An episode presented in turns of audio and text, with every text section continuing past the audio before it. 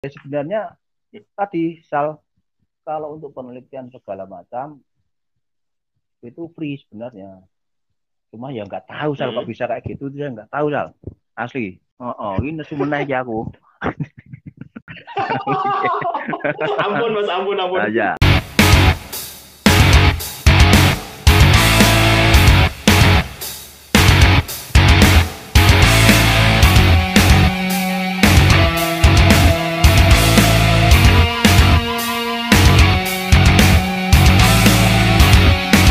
Assalamualaikum warahmatullahi wabarakatuh. Selamat datang di podcast F-Talk, media di mana saya akan ngobrol bersama orang-orang inspiratif di sekitar saya. Kalau saya tanya kepada pendengar podcast, kapan pertama kali mengenal ilmu kebumian? Mungkin jawabannya bisa bervariasi ya. Misalnya saya nih, adalah guru SD kelas 4 saya dulu yang bernama Pak Wazim. Pada satu hari memperkenalkan kepada kami tentang inti bumi dan bagaimana para seismolog menggunakan rekaman gelombang gempa untuk menentukan pembagian inti bumi menjadi padatan dan cairan. Kemudian saya mengenal bahwa seismologi merupakan salah satu cabang dari geofisika. Itu adalah awal mula saya mengenal ilmu bumi dan kemudian menjadikan opsi geofisika sebagai salah satu pilihan dalam ujian masuk UGM beberapa tahun kemudian. Singkat kata, setelah lulus, memang saya tidak menjadi seismolog di bidang kegempaan. Ilmu seismologi saya bahkan sudah dibilang luntur nih. Tetapi bintang tamu podcast F-Talk ke-11 kali ini adalah seorang seismolog di Badan Meteorologi, Klimatologi, dan Geofisika atau BMKG Indonesia. Terkenal ramah, humoris, dan penuh keberuntungan dari zaman kuliah dulu, senior saya yang satu ini sudah sering masuk TV untuk menerangkan fenomena gempa bumi di tanah air. Selamat datang di podcast F-Talk, Mas Widiat Moko atau biasa dipanggil Mas Bronki. Halo Mas Bronki, apa kabar? Halo, baik Sal. Gimana kabarnya? Baik mas, Ya, gimana mas? Gempa di Indonesia aman nggak? Ya aman. Aman dalam artian ya eh, dari sisi eh, kita sebagai lembaga monitoring ya eh, tetap siaga untuk monitor 24 jam lah gitu. Mas, mas, sebelum aku nanya tentang kerjaan Mas Bronki di BMKG ya, Mas Bronki mau dipanggil apa nih mas? Mas Koko, Mas Bronki, Mas Bronkos, atau apa mas? Ya, tersalah Sal dipanggil His juga aku juga nengok kok. Ah, Mas Bronki ini dari dulu dagel ya. ya, terserah aja. Aku panggil Paduka gimana mas? Aduh. Mas, apa sih dulu bisa dipanggil ini mas? Mas Bronkos kenapa mas? Bukan itu nama masakan ya mas ya? Nah, sebenarnya saya juga persisnya itu kurang tahu ya. Eh, di SMA itu dulu memang nama itu sudah melekat di saya. Nama saya kan Widiat Moko. Nah, terus orang Mm-mm. manggilnya koko, kos, kos, kos. Nah, ada yang nyeletuk brongkos, brongkos, brongkos. Nah, itu sampai sampai ke padahal saya udah ada kebetulan kan teman SMA juga ikut ke GBCK itu. Mas Anas kalau eh, Faisal tahu satu SMA. Nah, itu Ah. nah padahal saya nggak ngajak dia daftar GBCK. Tahu-tahu ketemu GBCK dia, dia brongkosnya nyampe juga ke kampus gitu loh ceritanya. Waduh, itu toh ceritanya. Eh, padahal nggak ngajak-ngajak. Ada tiga orang nggak padahal ya satu SMA itu. Nah, itu ceritanya singkatnya seperti itu. Kerja juga dipanggil Mas Bronkos gitu, Mbak. Iya. Mas. Ada yang brongkos, ada yang brongki. Ya, itu jadinya juga susah. Tapi nggak nyampe anu mertua kok mertua tetap Mas Kokok itu. eh, kalau kalau sampai nyampe sampai ke mertua susah ya, Mas ya. Kayaknya kok image-nya aneh gitu. Ah, ah, aneh, aneh dan kayak kurang ajar orang. Eh, Mas Bronkos kan angkatan 98 ya. Dulu Iya. angkatan 98 berapa orang, Mas? 98 itu kalau nggak salah 35 34 Sal. 35 34. Oh, akeh ya. Heeh, lumayan. Yang BMKG 98 itu barangkali ada berapa ya? Empat apa empat apa lima lupa. Kan nyebar di beberapa apa namanya bagian. Nah, salah satunya itu Boko itu, Mas Boko itu kan terus dia nyebrang ke Pertamina. Nah, itu ceritanya. Pas pembukaan yang gede-gedean itu tuh uh, dari Geofisika UGM banyak banget ya Mas yang keterima ya, angkat sekitar 16 orang benar nggak sih? Iya, benar Sal. Uh, agak ya 17 16 kita hitung dulu waktu teman-teman yang ikut daftar. Mulai angkatan kalau nggak salah angkatan 95 ada Mas Warto, Mas Ari segala macam. Terus 9 uh, 6 97 98 99 nah, ada di situ. Hmm. kebetulan banyak yang diterima itu kalau misalkan kalau gabung di BMKG itu pembagian siapa dikirim ke UPT atau cabang BMKG yang mana itu berdasarkan apa mas? Nah kalau sistem rekrutmen kan kayak PNS sebenarnya sal. Memang dari awal di state penempatan di pusat dalam artian tidak ada penempatan ke daerah. BMKG daerah nggak ada memang untuk hmm. pengisian slot di pusat. Kemudian di pusat kan ada uh, walaupun backgroundnya geofisika atau seismologi tidak serta merta di operasional uh, monitoring gempa. Di situ nanti ada litbang seperti Mas Boko, kan di situ juga ada pengembangan geofisikanya, seismologinya. Kemudian ada di instrumentasi geofisikanya ada dan sebagainya seperti itu. Itu uh, ketika sudah masuk semua dan lolos uh, administrasi dan tes finalnya, Nah, nanti eh, dibagi-bagi gitu. Jadi ada yang ke mana ke mana ke mana, hmm. tapi intinya sih waktu itu di pusat. Tapi belakangan ini ke sini, enggak tahu kalau di tempat kayaknya sama ya. Kalau belakang ini kalau yang dibutuhkan itu misalnya eh, BMKG Jogja atau BMKG Kupang itu butuh dua, butuh satu. Itu di awal-awal dari state lowongan untuk BMKG ini. Jadi daftar kita ya ke BMKG Kupang gitu katanya seperti itu misal Oke, Mas kalau misalkan kita mau kerja di BMKG itu, tapi kan di Indonesia ada STMKG ya Mas ya. Terus sebenarnya um, yang bikin beda itu apa sih Mas kalau misalkan jalur kerja dari STMKG versus kita yang S1 dari universitas gitu? Nah itu cerita awalnya itu eh, BMKG itu dulu di bawah Departemen Perhubungan. Nah Eh, di bawah Departemen Perhubungan, terus divisinya salah satunya di bawahnya itu BMKG.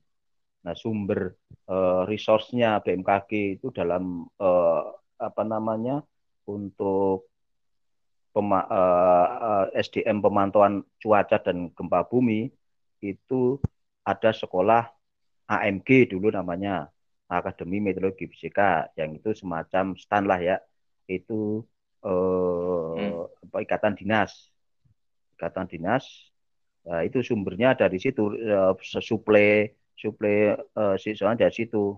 Dengan peralatan yang sebenarnya zaman dulu itu masih rendah. Kemudian uh, makanya cukup di satu di tiga itu sudah cukup gitu loh Sal. Terus perkembangan zaman dan uh, lepasnya BMKG dari perhubungan menjadi lembaga non kementerian lepas. Kemudian dikasih kewenangan yang lebih. Terus kemudian dikapitalisasi di dibangun lembaga monitoring yang lebih canggih, uh, menuntut peralatan yang canggih, teknologi yang canggih, dan uh, pengembangan SDM sendiri. Makanya SDMKG itu belum siap karena dia mensuplai D3, kemudian rekrutmen dari umum uh, S1 atau S2. Nah, seperti itu. Oke, tapi kalau misalkan di jabatan fungsional itu sebenarnya ada perbedaan nggak mas lulusan dari SMKG versus dari universitas negeri atau swasta di Indonesia? Nggak ada. Dalam artian kan sudah ada peraturan. Kebetulan di tempat saya, fungsional jabatan fungsional itu ada namanya pengamat PMK, PM eh, pengamat meteorologi fisika. Semua di situ kecuali yang litbang. Litbang kan di bawah eh, LIPI ya, anunya itu koordinirnya kan LIPI. Hmm ada jenjangannya Sal. Kalau dia D1 hmm. itu grade-nya apa, D3 grade-nya apa, S1 grade-nya apa, S2 grade-nya apa, nah, gitu. Jadi kalau orang STMKG itu misalnya D3 ya grade-nya lebih rendah dari S1. Nanti kalau dia sekolah S1 ya nanti ya akan menyusul ke atas gitu. Intinya ada ada level-levelannya lah gitu sesuai dengan akademiknya lah koreksi kalau aku salah. Tapi kan kalau di Indonesia kan belum ada jalur ekstensi ya Mas ya dari D3 ke S1 tentang geofisika, benar nggak sih? D3 ke Nah, ini menarik ini. Geoscience itu kan sempit lah ya. Ya contohnya lah ITB lah yang sering kerjasama dengan kita. Jadi beberapa kerjasama hmm. itu orang yang lulusan D3 itu bisa ekstensi S1 di ITB karena waktu saya pengalaman di S2 di ITB itu ada teman-teman yang D3 itu ekstensi S1 sal. Tapi memang satu-satunya yang bisa mengadakan itu kayaknya ITB waktu itu. Kalau kita ngobrolin tentang kerjaan Mas Brongki di BMKG ya, sekarang aku pengen nanya yang ke yang lebih kerjaan sehari-hari yeah. day to day gitu.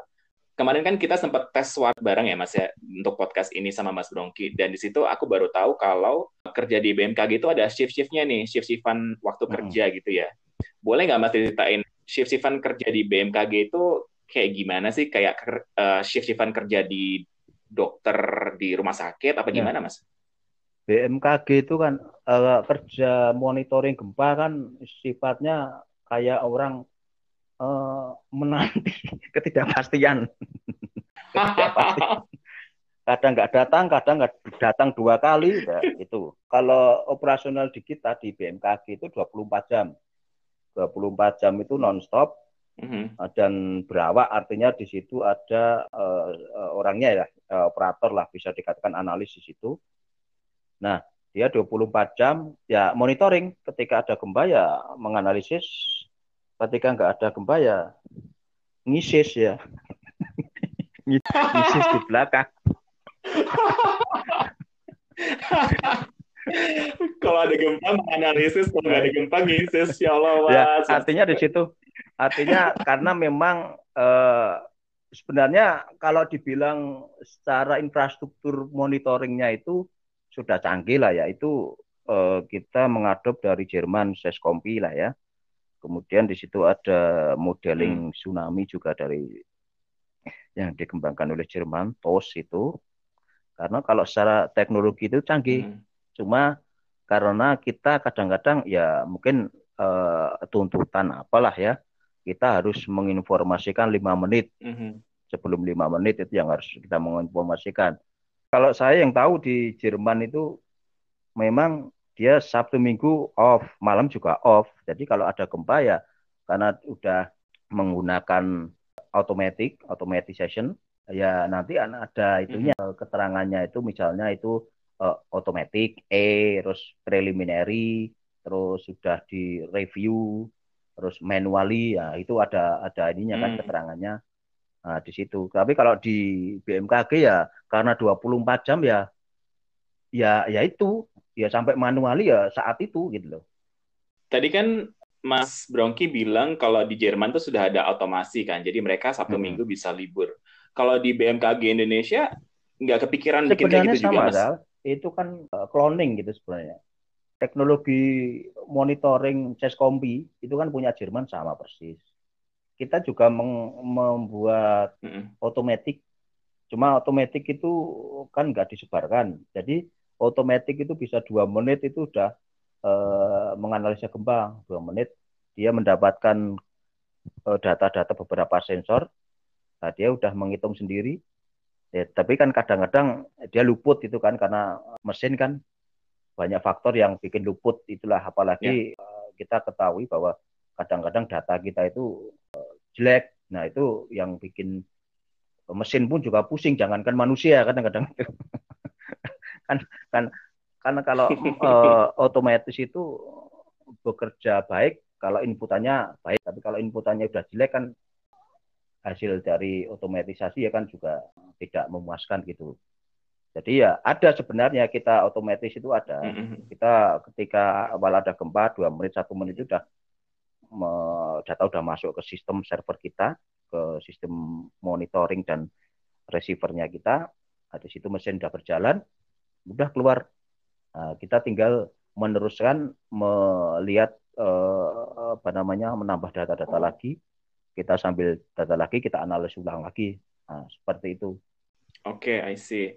Jadi kalau di Indonesia kita udah ada otomasi nih sebenarnya yang kita adopsi dari Jerman, tapi kita juga tetap menggunakan tenaga manusia untuk secara manual ya. mengkoreksi uh, hasilnya ya Mas ya, kurang lebih gitu ya. Uh. Kalau kita ngomongin tentang shift-shiftan kerja di BMKG, kan kemarin pas kita tes suara, Mas Dongki sempat cerita kalau shift-shiftan waktu kerja BMKG hmm. itu 12 jam ya, Mas ya. Itu berapa orang, Mas, per shift? Dan misalkan ada kejadian gempa besar, protokolnya apa ya. aja, Mas, yang harus uh, Kita memang di situ tuh kerja sangat SOP banget karena golden time itu sangat singkat. Di situ disusun beberapa SOP yang kita ikuti aja SOP SOP itu. Jadi kayak kayak semi robot kita itu mhm. sebenarnya. Mm-hmm. Karena waktunya ya di mhm. bawah 10 menit dan informasi itu harus segera cepat dilakukan, mm-hmm. update informasi segala macam itu harus uh, dirilis terus. Nah, itu ada SOP-nya. Nah, kembali ke berapa jumlah shift. Sebelumnya, sebelum ada pandemi itu kita ada lima kelompok. Satu kelompok ada tujuh lah, tujuh, tujuh, kalau salah tujuh orang. Nah, mm-hmm. ketika ada pandemi, biar tidak sering ke kantor, sementara kan operasional harus jalan terus. Sementara yang lain itu bisa WFH, kita cuma bisa memainkan uh, dari lima kelompok itu jadi enam kelompok di extend biar uh, di rumahnya agak lama sehari lah misalnya katakanlah seperti itu. Tadi sempat cerita juga tentang adanya SOP ketika terjadi gempa besar ya yang itu uh, sebenarnya SOP itu udah well established jadi Mas Bronki dan rekan-rekan di BMKG tinggal menjalankan dan harus menyalurkan informasinya kurang dari 10 menit. Boleh nggak sih Mas diceritain secara nggak perlu disebutin semuanya karena mungkin itu rahasia sifatnya ataupun nggak bisa di share ke publik tapi uh, eh, SOP-nya itu apa aja Mas kalau misalkan ya, ada gempa besar kalau SOP-nya ya memang yang ditekankan ketika ada gempa besar ya itu yang yang yang uh, core bisnisnya di situ mm -hmm. di gempa di monitoring kita itu kalau ada potensi tsunami jadi bisa dikatakan ketika ada gempa Nah, kita analisa barangkali tiga menit atau kurang dari empat menit kita udah dapat uh, parameter gempa. Nah, kemudian parameter mm -hmm. gempa itu otom otomat uh, ke, ke, otomatis dia akan langsung ke kita punya satu permodelan permodelan tsunami. Mm -hmm. Di situ ada uh, ribuan skenario yang sudah dibuat. Nah, ketika ada ada inputan parameter gempa, mhm. magnitudo, mm-hmm. kedalaman dan sebagainya ke situ. Nah, dia akan memproses apakah si gempa ini uh, berpotensi tsunami. Dia di mesin learningnya itu propose tsunami enggak gitu. Mm-hmm. Nah, ketika dia propose tsunami, mm-hmm. sudah di situ ada uh, ancaman daerah mana saja yang terancam, warning advisory dan segala macam. Nah, itu ada uh, listnya di situ isinya cuma database main-main database saja. Mm -hmm. Nah di situ uh, ketika dia propose potensi tsunami, potensi ya, nah, ya udah daftar itu bagian dari SOP ya kita kirimkan sebagai peringatan satu itu nanti diupdate lagi kita olah lagi gempanya kan uh, bersamaan dengan waktu kan dapat data-data banyak nih data masuk-masuk ini nah kita update kita masukin lagi, propose lagi, misalnya ada perubahan ya kita kirim lagi, kirim lagi sampai P2, P eh, P P eh, P3, P3 nanti uh, kita konfirmasi misalnya ada tide gate yang mencatat tsunami tiba di pantai. Nah, itu tsunami tidak tsunami tidak di pantai itu nanti uh, apa namanya bagian dari peringatan itu namanya P1. P3 nanti P3 itu banyak sesuai dengan masuknya tide gate yang terkonfirmasi adanya tsunami di pantai. Nah, kayak gitu Sal. Nanti selesai mm -hmm. ada P4, P4 okay. ya pengakhiran. Pengakhiran itu sebagai acuan untuk Pemda atau evakuasi itu bisa dilaksanakan. Oke, penjelasan Mas Brongki baru aja ini nih kan lebih ke arah SOP gempa yang menimbulkan tsunami ya. Kalau gitu sekalian dong aku mau nyambung tentang tumpang tindih kerja BMKG versus PVMBG nih Mas. Sebagai contoh tentang apa ya, tsunami anak Krakatau 2018 nih. Aku ingat banget baca berita waktu itu kalau Bu Dwi Kurita pernah bilang bahwa salah satu alasan tidak ada warning tsunami pada saat itu dari BMKG adalah karena gempa atau longsoran yang dihasilkan bukanlah dari gempa tektonik, sehingga Budo Kirita atau BMKG berargumen kalau itu bukan ranahnya BMKG nih. Itu gimana mas menurut Mas Brongki? Kok bisa ada tumpang tindih kebijakan dan kerja gitu mas? Apa emang BMKG nggak ada sinergi dengan PFMBG apa gimana sih mas? Bisa dikatakan itu sebagai kegagalan sistem ya karena ya faktanya seperti itu. Tapi yang yang kadang kita kita yang perlu diketahui bahwa INATWS ya, Indonesia Tsunami Early Warning System itu mengacu kepada tsunami-tsunami yang akibat megatrust. Nah, itu sempit banget kan artinya ancamannya itu kan cuma di di uh, di pikiran kita itu megatrust megatrust megatrust megatrust kan gitu karena bercermin dari mm -hmm. uh, 2004 Desember Aceh ya yeah. untuk dari sumbernya mana itu sering cuma jadi angin lalu ketika kita ngomong macam-macam tsunami dari sumbernya dari tektonik, dari longsoran, dari gunung api. Semua ketika ngomong di situ entah eh, siapa-siapa itu pasti disebutkan sumber-sumber tsunami. Tapi lupa itu tanggung jawab siapa itu lupa. Nah, begitu ada kejadian tsunami Krakatau kemarin, nah itu memang bukan tektonik pemicu tsunami-nya kan longsoran itu. Orang jadi salah-salahan jadinya karena dari sisi PMB, PFMBG mm -hmm. mengatakan dia cuma monitoring gunung aja. Nah, sementara itu faktanya ada tsunami. Mm -hmm. Tsunami itu punyanya BMKG kan gitu. BMKG tsunami-nya itu fokusnya ke megatrust tektonik. Mm -hmm. ya, itu kayak lempar-lemparan gitu. Ya, uh -huh. ya sekarang kita coba koordinir dengan BMBG bercermin dari kasusnya eh, Krakatau kemarin dari sisi praktisnya kita sekarang malah dikasih data-data monitoring eh, PVMBG. Oke mas, ngomongin tentang simpang siur, tumpang tindih nih. Kalau gitu sekalian aja nih aku mau ngomongin tentang produk ya mas ya. Dari badan pemerintah selain BMKG yang terkait dengan mitigasi bencana, tata ruang, dan informasi spasial lainnya. Misalkan yang paling simpel nih, uh, apa ya, peta PGA, Peak Ground Acceleration dari BMKG. Itu kenapa bisa beda mas dengan katakanlah BPN, Badan Pertanahan Nasional, dan bahkan kemudian mereka mengkuantifikasi daerah yang katakanlah rawan bencana versus rawan tidak bencana itu bisa berbeda gitu dengan versinya BMKG. Padahal kan sama-sama badan pemerintah, nih mas, kenapa bisa beda mas? Aku yang di dapur aja bingung. itu yang di emperan mau tahu. Kalau saya ikut webinar-webinar lah, itu semua instansi itu Betul. punya pemetaan PGA, Mekotermor, segala macam itu di tempat sama gonta gantian gitu. Yang diacu yang mana itu kok kadang-kadang saya nggak tahu sal. Ya koordinasinya lah, saya nggak tahu itu. Yang diacu oleh pemerintah pusat atau pemerintah daerah itu nggak tahu yang mana yang benar. Aneh juga kalau macam-macam yang beredar itu memang aneh. Ya itu saya kurang tahu apakah itu nggak ada koordinasi ataukah uh, miskin inovasi ya. Kita autokritik lah, maksudnya seperti itu ya. Karena kan jadi buang-buang waktu gitu kalau kita melakukan sesuatu yang nah, udah dilakuin sama lembaga lain nah, kan. Iya, Jadi kenapa nggak pakai bingung. referensi punya mereka aja gitu? Saya bingung. Di sana gunung, di sini gunung.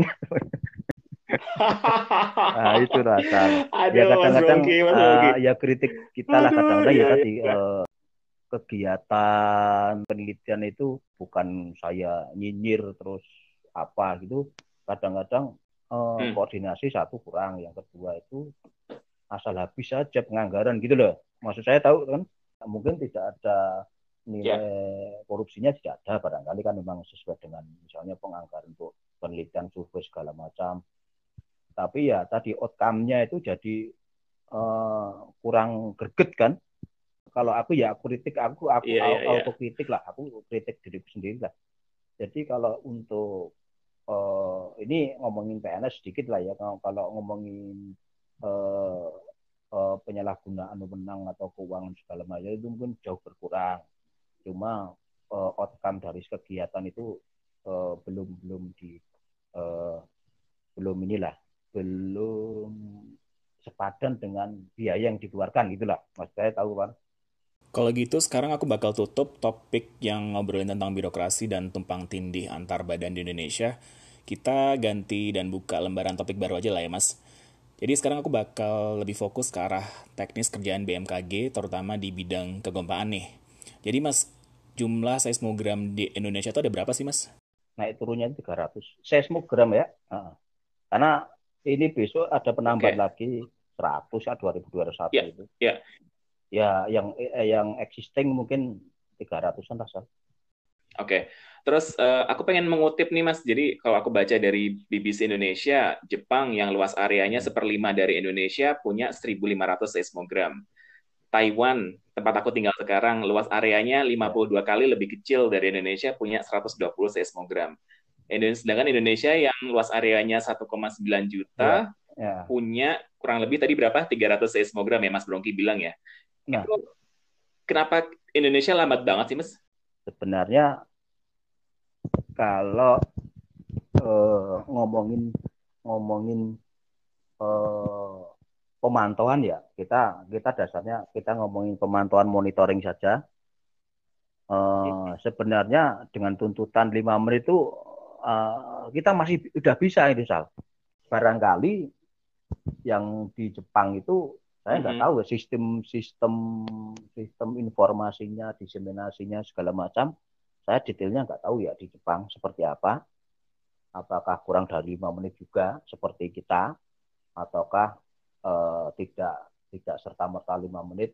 Tapi uh, masyarakat dengan otomasi otomatisasi tapi masyarakatnya kan lebih uh, apa namanya lebih terbuka lebih pan lebih cerdas dalam artian kan gitu masyarakatnya. Jadi ya gempa ya gempa saja nggak perlu lima menit satu menit tiga menit kan sebenarnya dan prediksi kan tidak mm -hmm. ada artinya dari sisi itu masyarakat sudah bisa uh, menerima lah apa yang sudah di informasikan. Barangkali saya detailnya nggak tahu saat. Cuma dengan data yang sudah ada itu kita bisa lima menit, uh, uh, lima menit. Di kalau di USGS itu lebih dari lima menit kok. Nggak tahu ya kalau, di web ya. Tapi kalau di uh, muda-muda lain Android atau barangkali apa lagi kita nggak tahu di USGS itu menyebarkan ke masyarakat itu seperti apa kita nggak tahu. Tapi kalau kita pantengin di uh, USGS apa namanya earthquake-nya USGS list-nya itu dia bisa 10 menit. Oke, aku terima jawabannya Mas Bronki nih. Tapi aku juga pengen menggarisbawahi omongannya Mas Bronki sendiri tadi. Jadi dengan luas area Indonesia yang segede 1,9 juta kilometer persegi ini, kita cuma punya 300 seismogram yang itu mampu memberikan informasi kegempaan di bawah 5 menit. Pertanyaanku adalah, apa BMKG udah puas mas dengan threshold 5 menit itu? Kalau bisa kurang dari, anu, kurang. ada ya kema ke, kemampuan memonitor, memonitor kurang dari yang sudah ada ketika ada penambahan itu ada. Di daerah tertentu ya, misalnya daerah tertentu di Sumatera ada 20, eh misalnya 10 terus tambah 5 lagi, ya adalah maju satu menit atau kurang dari satu menit apa namanya terpangkas satu menit misalnya tiga menit jadi dua menit gitu. tapi aku aku mikirku gini sal aku secara pribadi ya eh, lima menit ini sebenarnya sudah cukup lah artinya yang penting yang penting informasi dulu lah preliminary lah. Kalau di BMKG sendiri punya OBS nggak mas? OBS kemarin kerjasama dengan Cambridge kalau nggak salah ya. Di selat ma selat antara Kalimantan sama Sulawesi itu lah. Berarti boleh dibilang BMKG udah ngerasa cukup lah ya mas dengan jumlah seismogram yang dimiliki.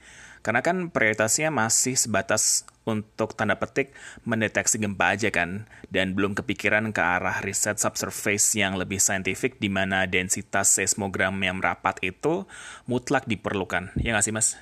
Ya karena kita masih di bawah eh, PNS lah. Ya artinya di situ kan tergantung dari pimpinan pusat lah artinya eh, penambahan penambahan seismik itu juga sebenarnya penting mau cuma kadang-kadang kan kita di anggaran anggaran politik atau apalah sebutannya itu itu mm -hmm. uh, prioritas bukan kan gitu sal itu kan bukan hal uh, uh, itu kan uh, tidak mu, tidak murah yang mahal itu mungkin bisa beli tapi maintenance-nya itu dan Betul. Pengoperasiannya 24 jam itu kan lebih mahal lagi. Taruh aja yang bois itu kan orang DPT bisa buat tapi perawatannya hmm. berapa anu udah off karena nggak ada anggaran segala macam kan gitu sal. Ya mungkin barangkali itu. Iya iya iya. Oke mas. Santai mas santai mas. Aku aku belum mas pokoknya kalau seismogram di Indonesia itu sering dicuri nggak sih mas tidak pernah mendengar dicuri. Hmm. adanya mati. Adanya mati. Adanya adanya mati mungkin singgah babi kali. Digembok digembok tidak anu, dibangkot digembok. Jadi barangkali ya habis itu kan dikerangkeng. Uh, effort yang luas lah, effort yang besar untuk itu. Mas, aku penasaran nih, dan ini sebenarnya pertanyaan dari zaman aku kuliah dulu dia satu.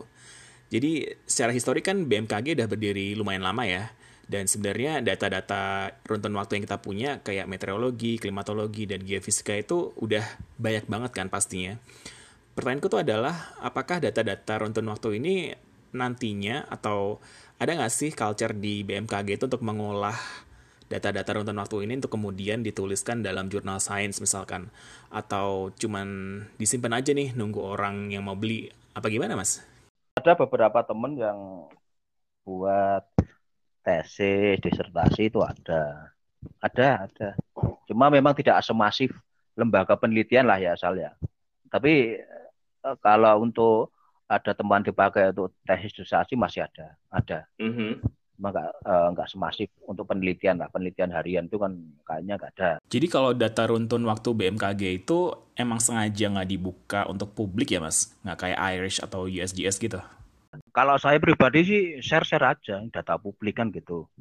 Cuma itu kan ada namanya loh, pendapatan negara atas jasa itu loh, nah itu ya dijual lah kasarannya kayak gitu. Hmm. Kalau Irish itu kan ya share share aja itu data publik kan apalagi untuk penelitian tapi pada dasarnya eh, bisa kalau minta gitu pada dasarnya bisa kalau minta cuma memang tidak semudah iris segala macam bang itu mm -hmm. Kalau aku sebagai warga negara Indonesia, secara teori, apakah gratis, Mas, kalau misalkan aku pengen make data BMKG? Kayaknya kalau di state dari peraturan itu, kalau bukan untuk bisnis, itu misalnya untuk riset atau untuk mahasiswa atau dosen uh, itu bisa bisa gratis. Tapi dengan syaratnya nah, dengan syaratnya saya nggak tahu. Itu. Tapi kalau yang jelas kalau untuk bisnis uh, company industri segala macam itu memang ada uh, ada rupiahnya. Mas, jadi kan Taiwan itu terkenal dengan riset seismologi, geodinamika, dan tektonofisikanya ya. Di situ ada beberapa mahasiswa Indonesia di jurusan Geophysics yang kebetulan riset mereka tuh ada di sekitaran topik-topik itu. Aku tuh kadang bang uh, apa sering banget dengar dari mereka kalau uh, mereka tuh awalnya berniat menggunakan data BMKG, tapi mereka tuh selalu mentok dan ngeluh nih di seputaran ribet dan lamanya ngurusin permintaan perizinan ke BMKG itu sendiri. Sampai akhirnya tau gak sih mas, mereka tuh nyerah dan akhirnya batal pakai data BMKG. Itu kenapa ya mas? kudu ngangkring dulu itu kalau ngomongin kayak gitu. Jadi hmm. memang uh, stigma kayak gitu tuh saya sering-sering dengar lah. Orang kesusahan mencari data, orang kesusahan sementara kalau di dalam itu uh, hmm. apa namanya? Ya sebenarnya tadi sal kalau untuk penelitian segala macam itu free sebenarnya. Cuma ya nggak tahu sal hmm. kok bisa kayak gitu, saya nggak tahu sal. Asli. Oh, oh ini sebenarnya ya aku. ampun mas, ampun, ampun. Aja. Oh, kasihan juga, hmm. artinya kan. Tapi ya eh, susah juga. Maksudnya aku nggak tahu di mana sih uh, itu simbolnya hmm. itu di mana yang nggak kebuka itu di mana itu nggak tahu saya. Soalnya aku aku yakin banget, misalnya setiap hari pasti aku percaya yeah. kalau BMKG itu terus berbenah kan supaya memberikan pelayanan publik yang lebih baik lagi daripada hari sebelumnya kan. Dan kalau misalkan berkaca dari di dunia petroleum, itu uh, mereka juga menggunakan sistem yang sana mas hmm. kayak kayak di BMKG sekarang jadi kayak mereka punya pusdatin jadi kayak pusat data uh, jadi sifatnya mereka punya mungkin Mas Brongki pernah dengar juga mungkin dari ESDM gitu jadi mereka punya sistemnya harus registrasi ada yang kayak membership gitu ya jadi kalau membership yang untuk industri hmm. ya mereka harus bayar tapi hmm. misalkan membershipnya untuk uh, dari akademisi uh, kayak saya gitu misalkan jadi itu kita hanya dapat data raw-nya aja bukan data yang sudah diolah gitu. Itu perbedaannya.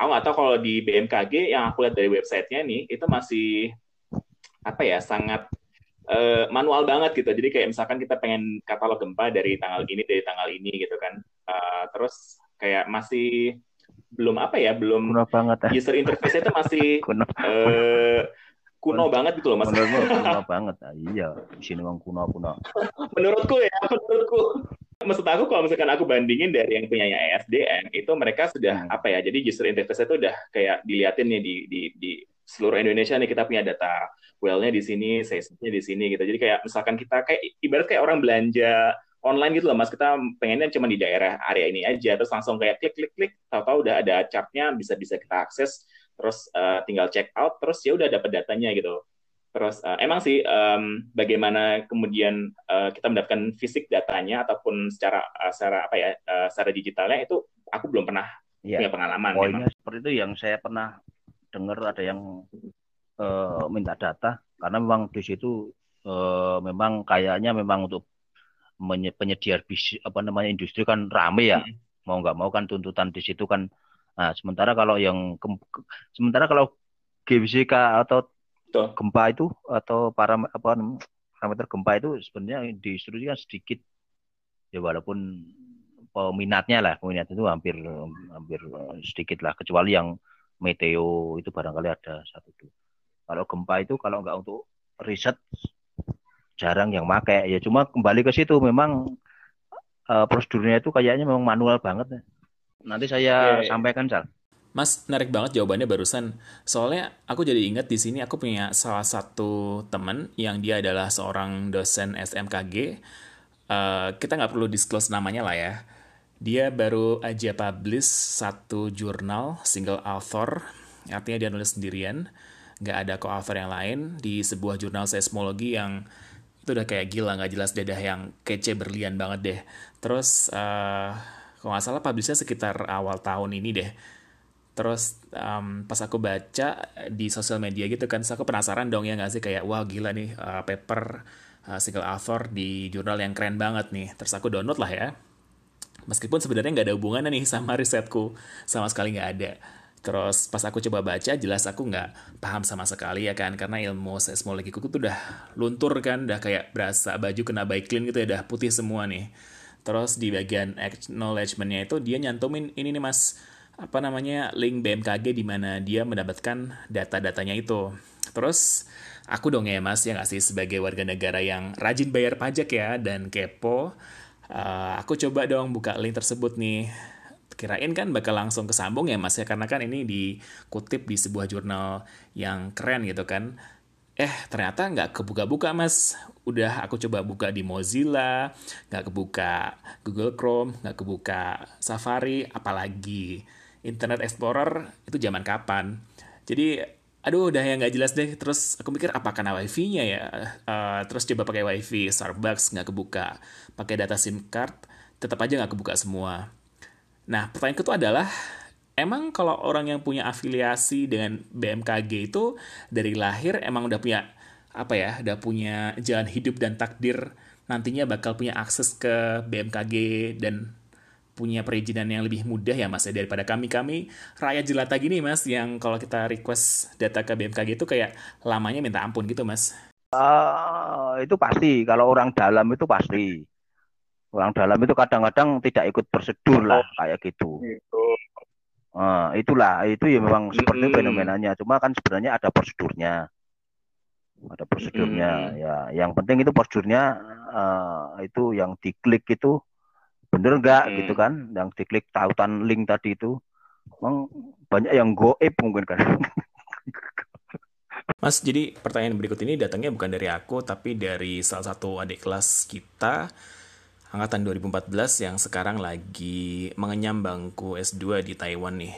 Jadi inti dari pertanyaan dia itu adalah dengan banyaknya katalog dan informasi kegempaan di BMKG, apakah BMKG sendiri itu udah mengeluarkan sebuah velocity model khusus untuk region Indonesia doang gitu dalam menentukan um, uh, apa relokasi gempa dan juga hipocenternya gitu. Itu pertanyaan dia.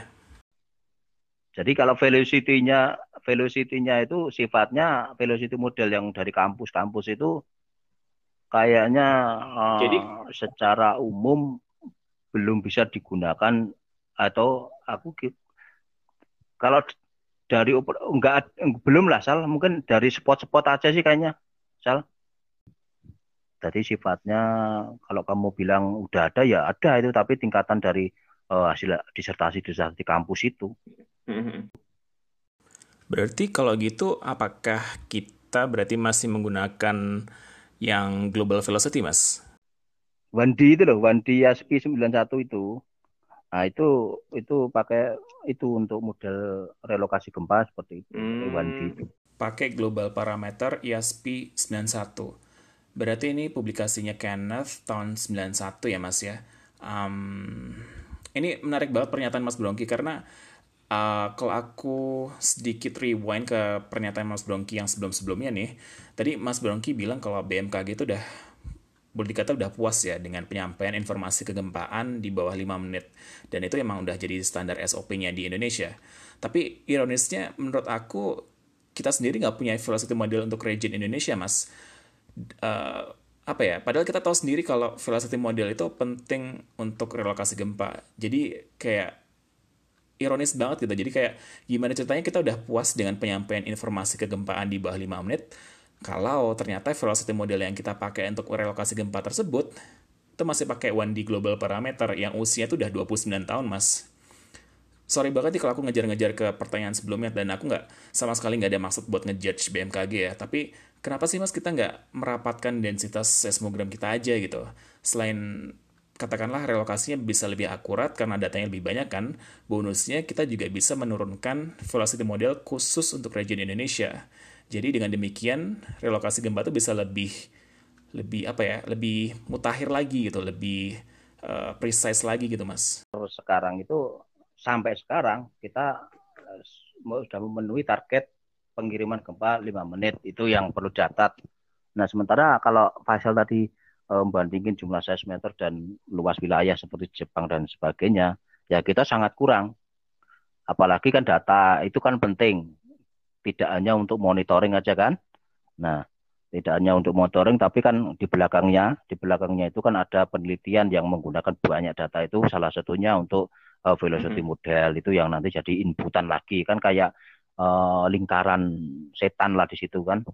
Jadi uh, banyak data terus kita manfaatin untuk uh, model, modelnya kita update lah untuk uh, monitoring kan, kita update uh, mm -hmm. modelnya velocity terus kita dapat data lagi kita ya kayak circle lah gitu. Ya memang ya tadi penambahan itu penting penambahan itu penting sal. Mm. cuma kembalilah eh, apa namanya eh, dari pemangku kebijakan itu itu kan tidak murah sal.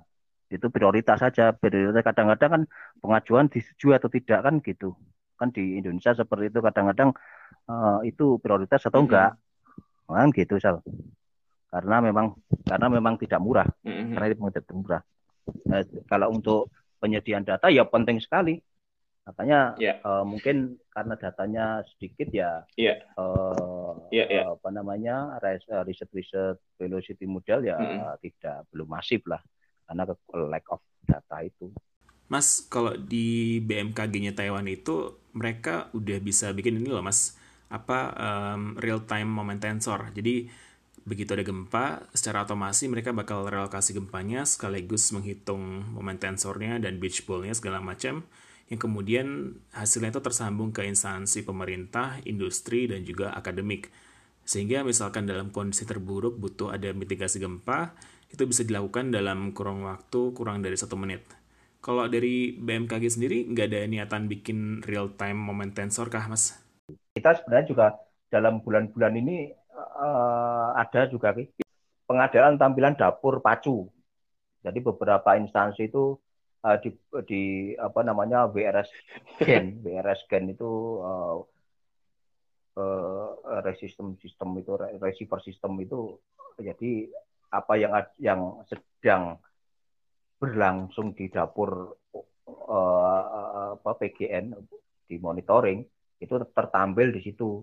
Dari dari menit by menit itu ada misalnya harus diupdate gempa diupdate gempa dari otomatisasi dari sampai dengan mm-hmm. teman-teman melakukan analisis. Perubahan-perubahan itu tertampil di situ. Ini baru mungkin baru dua bulan tiga bulan dah. Nah, itu ada semacam itu kan semacam display kan sebenarnya. Lima menit sebelum lima menit itu ya itu hasil analisis manual kita yang kita kirim. Di menit keempat atau apa. Sebenarnya dua menit dua menit pertama itu kita sudah dapat otomatisasinya. Kembali ke pertanyaanmu tadi, apakah kita punya uh, otomatisasi vokal mekanismenya ada, vokal mekanismenya ada kita. tapi kita tidak uh, sampai saat ini tidak publis. Kenapa, Mas? Kita belum pede dengan hasil karena kadang-kadang masih harus ditelaah atau apa. Padahal ya mungkin sebenarnya preliminaris sebenarnya nggak masalah ya. Cuma kita belum pede lah. Belum pede, tadi kita kirim itu kita kirim 10 menitan lah. Kita -hmm. kirim 10 menitan. Tapi kalau parameter parameter gempanya udah dari otomatis sudah udah ada ini udah bisa dikirim. Oke, okay. Oke Mas. Ya itu mungkin kalau masukan buat BMKG sih meskipun belum jadi prioritas ya. Jadi memang tadi kan saya, penyebaran saya smoter di Indonesia kan masih cuma 300 biji nih yang tadi Mas Bronki bilang. Tapi kalau menurutku kalau misalkan kita belum punya velocity model untuk Indonesia ya real time-nya bakalan nggak pede terus nih hasilnya karena kan kita selalu menggunakan velocity model dari orang lain kan. Benar, ya, betul benar. Velocity ya penting betul. untuk mengupdate mengupdate hasil kita itu dan merelokasi okay. hasil yang sudah-sudah itu kan bisa lebih uh, mendekati yang sebenarnya kan dengan velocity yang uh, true velocity lah gitu, seperti itu. Mas, aku mau nanya dong kalau misalkan muncul hipocenter 10 km dalam penyampaian informasi kegempaan dari BMKG itu sebenarnya 10 km itu adalah beneran hasil dari iterasinya ataukah itu adalah threshold dari metode yang digunakan atau itu hanya sebatas penyampaian kepada publik mas? Jadi mungkin sebenarnya bisa jadi lebih dalam atau mungkin lebih dangkal gitu tapi cuma dibuletin aja nih ke 10 kilo doang. Apa gimana sih mas? Kalau memang itu eventnya itu dangkal Sal itu itu iterasinya itu bisa minus di atas R jadi ya. apa itu. Nah untuk mengatasi itu uh, di defaultnya ya. jadi 10 gitu jadi uh, 10 mm -hmm. 9 11 12 itu sama saja gitu mau mau 11,5 12,5 15,5 mm -hmm. atau 7,5 itu dengan 10 itu nggak ada bedanya gitu Mas, kalau kita ngomongin tentang mitigasi gempa nih, ya uh, jelas yang namanya gempa itu kan sulit diprediksi ya Mas ya. Itu PR besar buat kita semua geofisikis terutama dan kita semua setuju kalau itu sulit yeah. untuk di di apa ya um, dikuantifikasi lah. Tapi ada nggak sih Mas usaha dari BMKG untuk bikin kayak semacam forecasting gempa gitu, tapi secara statistik pada daerah tertentu yang mungkin boleh dibilang nggak bakal sampai detail kayak hari, jam, kapan, menit keberapa, di mana itu jelas nggak mungkin itu susah banget. Tapi minimal dengan men, apa ya mendeliniasi suatu daerah berdasarkan sebaran patahan apa ya digabung dengan studi dari neotektonik gitu mas. Jadi kayak kita bisa memprediksi kapan terakhir kali patahan ini aktif dari fault scarp-nya misalkan. Itu kan sebenarnya dari studi neotektonik bisa nih uh, ada nggak sih kalau dari BMKG itu me, me, apa ya bikin menzonasi suatu daerah berdasarkan uh, tektonik aktifnya di daerah itu gitu. Misalkan kayak logikanya kalau misalkan PVMBG kan dia objeknya adalah gunung api nih. Jadi ya objeknya yang dilihat hanya gunung itu. Nah, kalau misalkan BMKG kan objeknya adalah patahan kalau boleh dibilang patahan aktif ya yang yang yang entah itu yang dalam ataupun yang dangkal. Nah, untuk yang dangkal ini apakah BMKG nggak pernah kepikiran untuk bikin forecasting gempa berdasarkan zonasi daerah? Itu memang ada usaha ke situ. Uh, adalah Eh, tiga tahun empat tahun yang lalu itu Lembang ya eh, di Lembang coba memonitor membuat mengurung ya. lah mengurung yang jelas-jelas yang jelas dimensinya dan kelihatan itu kan Lembang ya nah nah di situ coba untuk mengurung uh, kegiatan hmm. tektonik apa saja pergerakan Lembang itu dengan memonitoring lebih intensif ke arah uh, apa namanya untuk apa namanya perilaku sesar Lembang itu. Nah, hasilnya nggak tahu salah bisa. ya memang susah sih kalau kalau apa yang Pak Asal bilangnya ya studi studi apa ya studi perilaku wilayah atau sesar aktif yang jelas kayak Lembang itu memang saya belum pernah lihat walaupun itu di Bandung dengan uh, apa namanya akademisi akademisi profesor di ITB yang uh, advance mengenai Lembang uh, yang seperti arahnya ke forecasting atau perilaku lah itu kayaknya belum. Kalau pengukuran gas radon sendiri sebagai prekursor gempa itu gimana mas perkembangannya di Indonesia? Kalau di BMK BMKG itu udah lama itu sebenarnya radon, hmm. terus suhu, magnetik, terus apa TEC, elektronik itu, TEC itu itu udah lama dan itu sebenarnya uh, apa namanya uh, mm-hmm. metode-metode yang kalau dibilang usang ya usang, dibilang lama ya lama, ada kita stasiun itu ada di Jogja itu ada kayaknya kan. Tapi ya hasilnya ambil hikmahnya yeah. saja. kalau di Taiwan gimana? Kalau di Taiwan pengukuran atau monitoring pakai gas radon untuk gempa itu udah dilakukan mas, terutama di daerah selatan Taiwan jadi di daerah selatan Taiwan itu uh, mm-hmm. kan dia transisi mas dari subduksi ke akresi mas. Jadi di sana itu banyak banget kayak um, apa ya kayak gas alam yang muncul ke permukaan itu. Jadi kayak kayak lumpur lap, ada kayak versi lumpur lapindonya di Taiwan itu ada mas. Ada lumpur yang muncul ke permukaan gitu ada. Nah uh, karena adanya si rekahan itu berarti kan itu memang indikasikan kalau di daerah sana tuh faultnya itu sangat aktif dan boleh dibilang di space band itu sangat lebar. Jadi ditaruhlah di daerah situ nih uh, si pengukuran gas radon ini. Terus kalau di trace lagi dalam 10 tahun hmm. terakhir itu menunjukkan ada korelasi sih, Mas. Aku pernah ngambil kelas uh, namanya judulnya uh, gas geochemistry, jadi geokimia gas. Yang itu salah satu ya, udah alam, almarhum profesornya itu hmm. dia salah satu kayak hmm. pionir untuk yang memetakan hmm. gas radon di Taiwan gitu untuk, untuk masalah prekursor gempa dan satu slide-nya aku ingat banget dia bilang itu ada kayak korelasinya cuman memang uh, tidak selalu oh, muncul. Iya. Mas, jadi ini pertanyaan terakhir ya. Di tengah tuntutan dari masyarakat dan pemerintah untuk terus berinovasi, Aku sih percaya kalau teman-teman BMKG udah melakukan yang terbaik untuk memberikan informasi dan pelayanan publik terkait kegempaan di Indonesia. Terlepas dari minimnya infrastruktur, uh, rendahnya jumlah sensor, dan juga kompleksnya birokrasi di dalamnya. Tapi ada nggak sih mas pesan-pesan yang mau disampaikan ke masyarakat Indonesia terkait kinerja BMKG selama ini? Kita sudah mengadopsi semua teknologi monitoring hmm. di paling canggih lah di dunia lah Artinya di situ eh, kita sudah berusaha eh, melakukan eh, hmm. analisa dan penyampaian ke masyarakat yang seluas-luasnya dan secara cepat-cepatnya itu kita goalnya kan di situ. Cuma kadang-kadang kan eh, satu dua keterbatasan eh, mm-hmm. keterbatasan dalam artian apa ya eh, keterbatasan Eh, kalau kalau gempa misalnya, kalau gempa itu kan keterbatasan tadi uh, sistem velocity segala macam dan keterbatasan data ya kadang-kadang kita juga uh, tidak mm -hmm. bisa menyajikan secara uh, ini uh, uh, apa namanya sempurna gitulah. Artinya kita berusaha ke situ untuk mengadopsi teknologi yang secara mungkin. Cuma ada beberapa mhm. keterbatasan mm -hmm. ya di luar kemampuan kita ya kita harus mengejarnya seperti itu intinya intinya seperti itu. Terima kasih banyak Mas Brongki, salah satu seismologis BMKG Indonesia atas debat kusirnya ya di podcast F-Talk episode ke-11 hari ini. Meskipun saya batal jadi seismologis setelah lulus S1, tapi senang banget akhirnya bisa ngobrol dan belajar bareng lagi tentang seismologi langsung dari ahlinya, Mas Brongki. Semoga kita sebagai masyarakat Indonesia terus mendukung kinerja BMKG sehingga BMKG bisa terus berinovasi. Jangan pernah kirim berita bencana hoax pastinya. Terima kasih banyak sudah mendengarkan podcast episode ke-11 ini. Semoga bermanfaat dan bisa menjadi sumber inspirasi bagi kita semua.